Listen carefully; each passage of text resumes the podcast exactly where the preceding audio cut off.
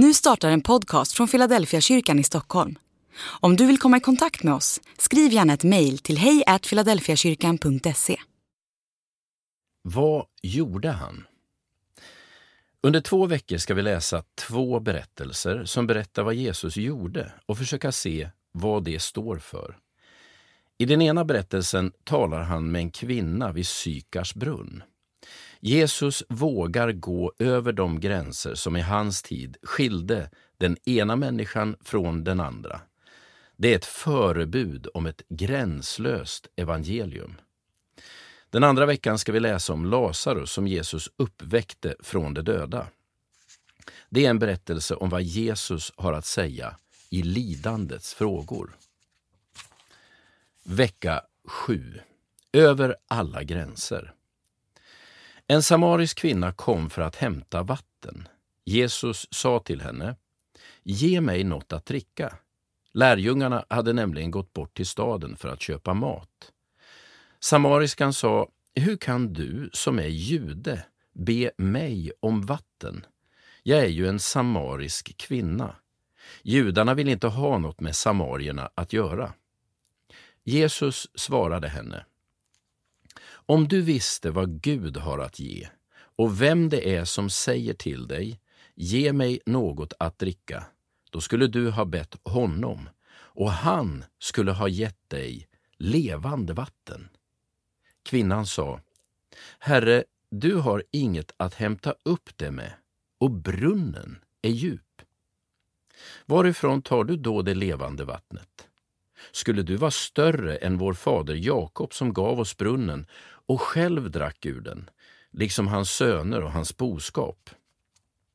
Jesus svarade, den som dricker av det här vattnet blir törstig igen, men den som dricker av det vatten jag ger honom blir aldrig mer törstig. Det vatten jag ger blir en källa i honom, ett flöde som ger evigt liv. Kvinnan sa till honom, Herre, ge mig det vattnet så att jag aldrig blir törstig och behöver gå hit efter vatten. Jesus sa, gå och hämta din man. Kvinnan svarade, jag har ingen man. Jesus sa, du har rätt när du säger att du inte har någon man. Fem män har du haft, och den du nu har är inte din man. Där talade du sanning. Kvinnan sa, Herre, jag ser att du är en profet. Våra fäder har tillbett Gud på det här berget, men ni säger att platsen där man ska tillbe eh, honom, den finns i Jerusalem. Jesus svarade, Tro mig, kvinna, den tid kommer då det varken är på det här berget eller i Jerusalem som ni ska tillbe Fadern. Ni tillber det som ni inte känner, vi tillber det vi känner, eftersom frälsningen kommer från judarna.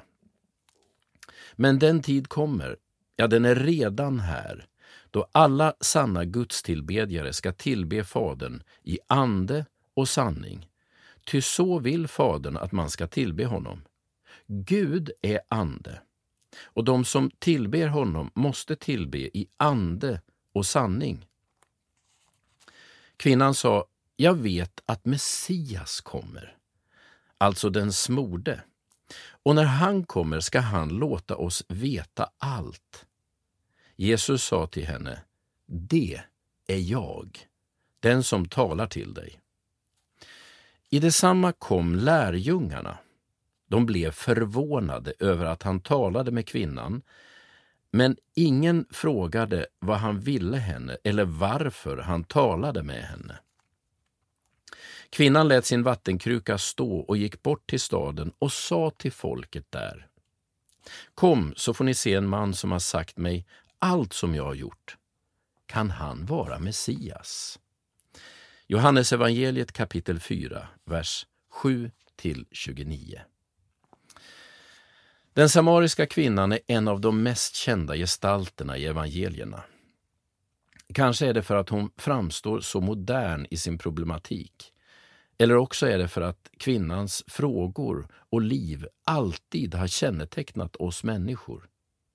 När jag läser denna berättelse så tänker jag mig att Detta samtal skulle kunna ha utspelat sig på vilket café som helst i en svensk stad idag. Dag 43. Om du visste vad Gud har att ge och vem det är som säger till dig Ge mig något att dricka. Johannes evangeliet kapitel 4 och vers 10. För ett tag sedan läste jag en artikel om energitjuvar. Det handlade om sådana där människor som på något underligt sätt alltid lyckas tömma oss på energi. Utan att man riktigt vet varför stjäl de kraft och fokus från oss. Artikeln berättade hur man skulle kunna upptäcka och oskadliggöra dessa tjuvar så att man inte blev av med sin kraft. När Jesus presenterar Gud för kvinnan vid Sykars brunn säger han att Gud ger, inte tar.